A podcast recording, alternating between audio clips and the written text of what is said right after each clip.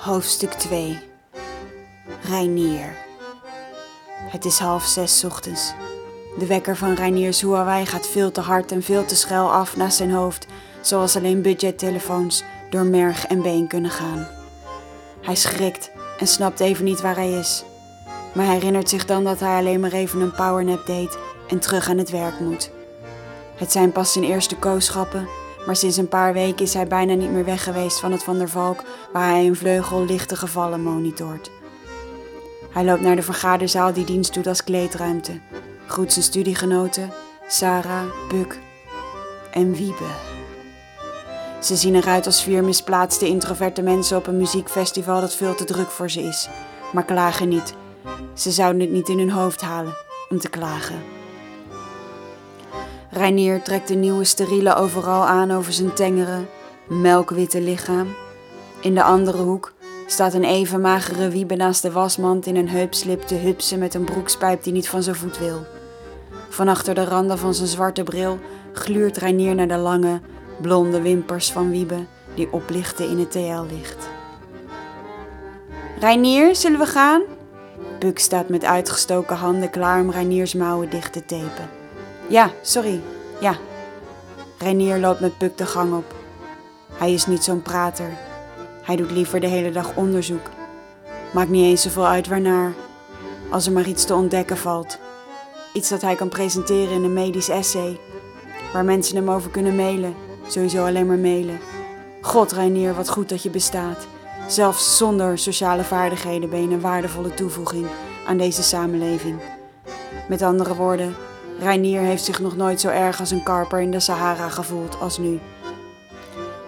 Alleen, sinds ze hier zitten, in dit hotel, is er iets wonderlijks aan de hand met de neurologische processen in Reiniers brein.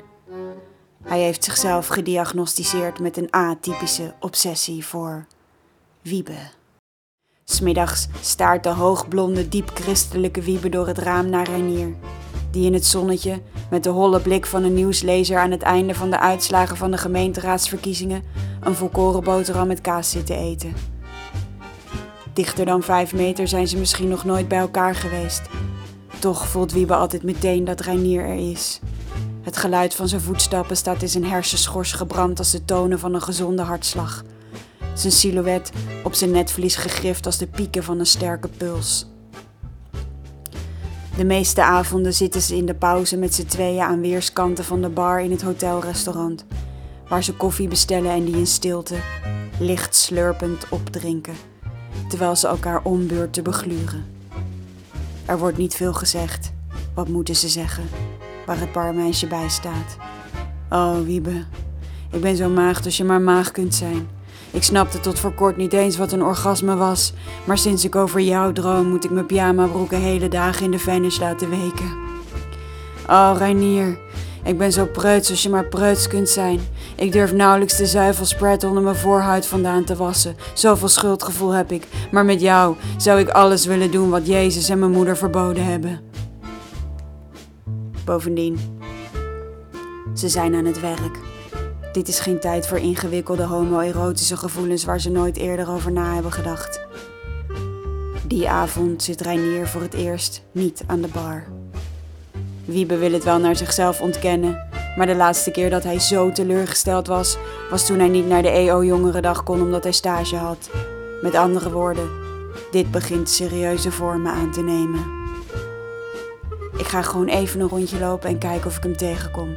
Dat is niet homoseksueel, dat is gewoon betrokken, houdt Wiebe zich stellig voor. Zoek je Reinier? vraagt Sarah als ze Wiebe ziet lopen. Ja, gewoon omdat we altijd koffie drinken omdat we vrienden zijn. Ja, precies. Omdat jullie vrienden zijn. Hij is iets aan het repareren op de zesde, bij de quarantainekamers. De zesde is een plek van serene rust. Voor de zekerheid zijn hier twee quarantainekamers ingericht met plastic tenten, maar ze zijn leeg.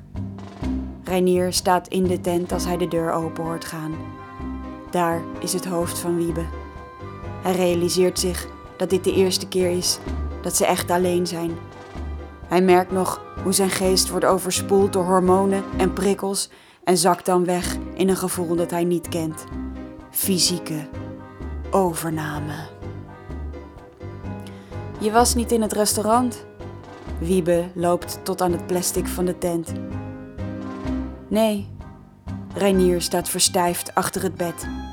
Hij zweet en voelt een druppel langs zijn slaap zakken. Het voelt alsof hij door een rietje moet nadenken. Hij ziet de dikke roze lippen van Wiebe vertraagd bewegen op zijn wit met gele hoofd. Als een soort Mick Jagger die te lang in de peroxide heeft gelegen. Is er iets kapot? Reinier, praten. Je moet terugpraten, Reinier. Maar Reiniers autonome zenuwstelsel doet iets dat hij zelf helemaal niet durft. Stapje voor stapje loopt hij dichter naar het plastic. Hij schreeuwt tegen zichzelf: Wat ga je doen? Wat ga je doen, gek? Dit durf je niet. Als hij vlak voor wie bestaat, slaat hij zijn donkere ogen in hun oververmoeide blauw-paarse kassen op. Ja, er was iets kapot. Maar ik heb het al gemaakt. Zo dicht hebben ze nog nooit bij elkaar gestaan. Zo dicht zouden ze zonder het plastic ook helemaal niet bij elkaar kunnen staan. In een vlaag begint Wiebes hele hoofd te pulseren als een koortsige, zwerende ontsteking. Kan Jezus dit zien? Zolang er plastic tussen zit, telt het misschien niet? Hij loopt naar de armen in de tent. Zijn pezige handen raspen zacht langs de ruw afgewerkte naden. Reinier vlecht zijn vingers in de koude, krakende handen van Wiebe en drukt zijn mond tegen de transparante muur die meteen beslaat van zijn adem. Met gesloten ogen voelt hij hoe aan de andere kant de lauwe lippen van Wiebe tegen de zijne worden gedrukt. Hij zakt bijna in elkaar. Zijn lijf voelt alsof hij schokken krijgt van zes defibrillators tegelijkertijd. Maar dan trekt Wiebe met een ruk zijn handen uit de handschoenen en rent naar de deur. Waardoor Reinier voorover valt tegen de tent die met veel geweld naar beneden stort en hem met zijn neus op de grond klapt. Het begint meteen hevig te bloeden, maar Reinier blijft in shock liggen met de kunststoffen ruïne over zich heen gedrapeerd. Terwijl Wiebe daar met zijn handen voor zijn mond staat te kijken naar zijn bloedende, weerloze, gewonde studiegenoot, voelt hij tot zijn schrik een golf van geilheid die hij nooit aan God of oma recht gaat kunnen praten. Heb je pijn?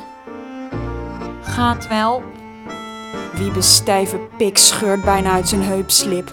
Hij knielt bij het slachtoffer neer, die hem nu aankijkt met een mond vol vers, rood bloed. Hij slaat zijn armen met tent en al om Reinier heen en drukt zijn tong zo ver als gaat zijn mond in. Hij kan de ijzerachtige smaak bijna proeven. Doe je shirt uit. De ingevallen borst van Reinier glanst van het zweet. Wiebe pakt de randen van Reiniers broek en rukt hem naar beneden. Het bloederige plastic maakt ermee een veeg tot over Reiniers navel.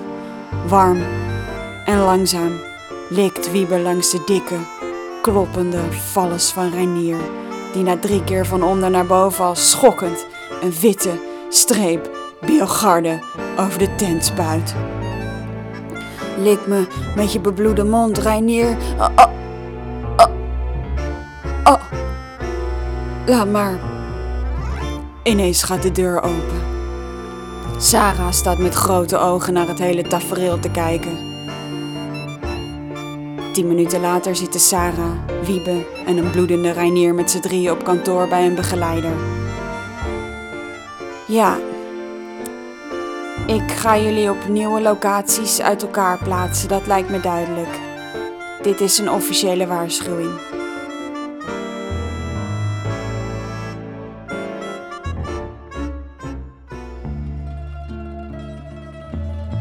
In de weken die verstrijken hoort Reinier niets meer van Wiebe. Op een avond besluit hij te bellen. Hey, Reinier. Hoi Wiebe. Hoe gaat het met je? Ehm, ja. Ik ga trouwen met de zus van de nicht van mijn zwager. Ze zit ook bij ons in de kerk. Oh. Oké, ja, met mij ook goed. Oh, fijn te horen. Oké, fijne avond nog, Wiebe. Fijne avond nog, Reinier.